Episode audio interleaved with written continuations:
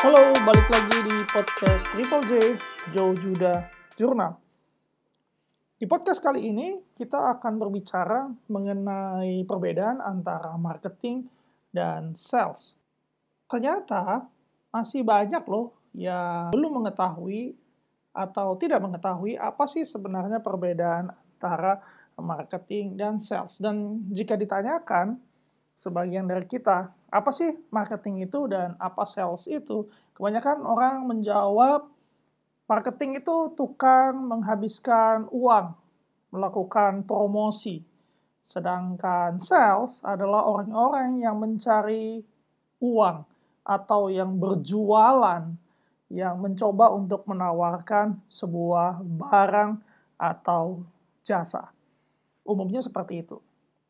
Nah, sebelum kita bahas lebih lanjut, kenapa sih kita perlu tahu perbedaan antara marketing dan sales? Buat beberapa orang ada yang bilang ini sama saja. Buat uh, beberapa orang yang lain lagi, padahal walaupun ini biasanya ada dalam satu departemen atau punya satu corong yang sama, funnel yang sama, pada kenyataannya praktek atau kegiatan antara marketing dan sales itu berbeda. Dan kenapa kita perlu tahu? Karena begini, jika kita tidak tahu umumnya closing kita atau kegagalan kita menawarkan berjualan barang kita, karena ketika seharusnya kita melakukan kegiatan marketing, alih-alih kita justru melakukan kegiatan sales atau berjualan. Dan ketika seharusnya sebuah prospek, sebuah audiens yang sudah matang untuk kita penetrasi dengan berjualan, kita malah melakukan kegiatan marketing. Nah, ini yang sering kali yang membuat kita gagal untuk bisa landing atau convert calon customer kita dengan baik karena kita sendiri nggak tahu apa sih perbedaan antara uh, marketing dan sales. Kalau sebenarnya marketing dan sales itu berbeda, namun marketing dan sales ada dalam satu serangkaian kegiatan.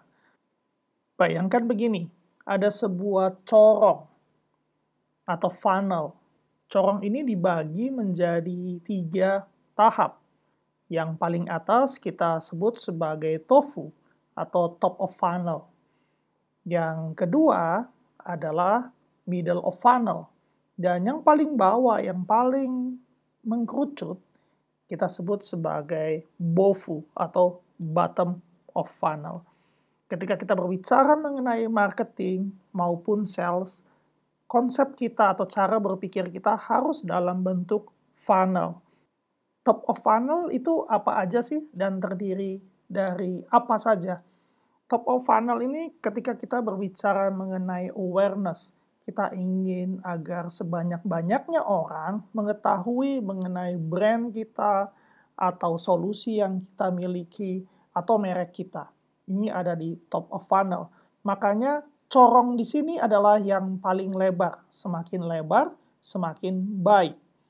Berikutnya adalah middle of funnel. Middle of funnel ini adalah audience atau tipe campaign orang-orang yang sudah mengetahui mengenai brand kita, merek kita, solusi yang kita berikan, namun masih membandingkan, namun masih belum yakin, atau mungkin belum ada kebutuhannya.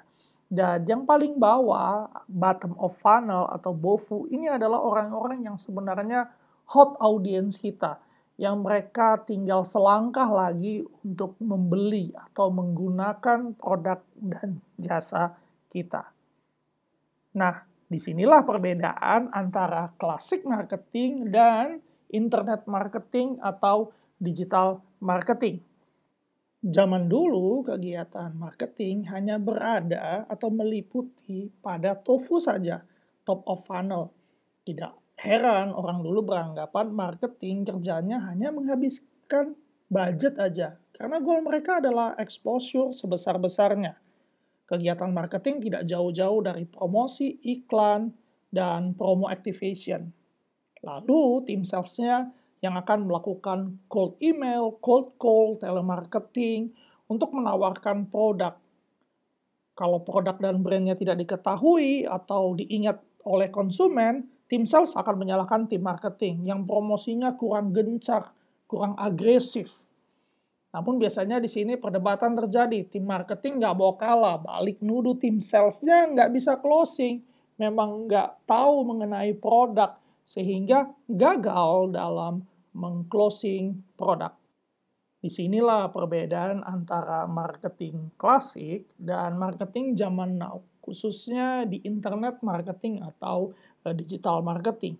Karena area kerja marketing itu tidak hanya sampai di top of funnel, middle of funnel, bahkan sampai bottom of funnel pun menjadi area dari marketing atau internet marketing zaman now. Jadi udah nggak bisa lagi dilimpahkan semuanya penjualan itu adalah ke tenaga sales. Buktinya, beberapa produk, beberapa tools, beberapa software itu bisa closing, bisa terjadi transaksi tanpa sales sama sekali. Contoh paling umum adalah e-commerce.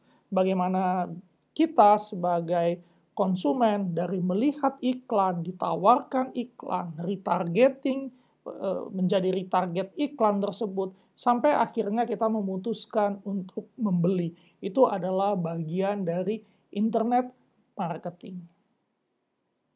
Jadi kembali lagi ke pertanyaan awal. Apa sih marketing itu dan apa sih sales itu? Berbicara mengenai apa marketing dan berbicara apa sales itu? Marketing berbicara mengenai bagaimana kita menyampaikan informasi, khususnya terhadap sebuah masalah, dan solusi apa yang kita coba tawarkan melalui produk dan jasa yang kita miliki. Tentunya dengan menunjukkan diferensiasi atau keunggulan eh, produk kita dibanding kompetitor atau solusi lainnya. Nah, sedangkan sales adalah kegiatan menolong customer kita atau calon customer kita untuk mendapatkan solusi terbaik atas masalah yang mereka hadapi melalui produk dan jasa yang kita miliki. Makanya di tempat saya bekerja, kita mendefinisikan ulang arti marketing dan sales. Tim marketing di tempat kami kita sebut sebagai tim growth yang goalnya bukan cuma sekedar exposure saja, yang goalnya bukan cuma sekedar sebanyak-banyaknya orang mengetahui mengenai produk dan solusi kita, melainkan sampai pada retention. Orang melihat, orang terengage dengan konten yang kita miliki dan bisa kembali lagi. Mereka bisa uh, paham solusi apa yang mereka butuhkan atau kalau mereka belum bisa melihat solusi, setidaknya mereka bisa melihat problem apa sih yang mereka miliki. Karena sering kali banyak orang yang bahkan tidak mengetahui mereka berada di tengah-tengah sebuah masalah. Mereka memiliki sebuah masalah. Maka sebenarnya di sinilah tugas seorang marketers untuk menunjukkan bahwa orang tersebut memiliki sebuah masalah, peka terhadap masalah yang mereka miliki, dan mendorong mereka secara aktif mencari solusi yang mereka butuhkan. Nah, ketika berbicara mengenai itu semua, kita nggak bisa berhenti cuma sampai pada exposure semata. Namun lebih jauh lagi kita engage dan berbicara mengenai experience. Bagaimana calon customer kita bisa mengalami experience dari mengenal produk kita, mempelajari produk kita, mengenal problem mereka sendiri hingga mereka menemukan solusi mereka. Di tim sales kami, kita mendefinisikan ulang tim sales force kita sebagai customer solution. Ini gunanya agar selalu mengingatkan pada tim kami bahwa pekerjaan utama mereka bukan berjualan. Walaupun target mereka tetap numbers dan revenue ya. Namun, mereka harus disadarkan ulang bahwa pekerjaan utama mereka adalah memberikan solusi kepada calon customer kita. Karena begini, karena begini. Jika tim sales datang dengan membawa problem, problemnya yaitu target di bulan tersebut, maka orang cenderung akan menghindar. Tidak ada orang yang ingin dihampiri dengan sebuah problem. Yang ada seharusnya kita datang dengan sebuah solusi. Orang akan menyukai setiap orang atau pribadi yang bisa datang dengan membawa solusi. Justru kan di sini justifikasi dari solusi yang kita berikan adalah dalam bentuk moral dan revenue. Benar atau tidak? Customer kita misalnya atau calon customer kita, mereka mendapat solusi atas masalah mereka melalui tim customer solution kami, mereka akan kasih justifikasi balik. Yaitu pertama tentu dalam bentuk revenue. Dan yang kedua adalah dalam bentuk moral. Moral ini adalah referral. Mereka menyampaikan kepuasan mereka, mereka merekomendasikan produk kita ke orang banyak. Maka pada akhirnya, marketing yang tidak berpikir mengenai conversion, tidak berpikir mengenai penjualan, adalah marketing yang sia-sia. Begitu juga sales yang hanya berpikir mengenai bagaimana berjualan atau menawarkan barang tanpa berfokus pada solusi dan customer cenderung akan ditolak dan dihindari oleh orang banyak. Kira-kira sampai di sini kita sudah dapat pemahaman mengenai marketing dan sales atau justru malah semakin bingung? Sampaikan di komen ya.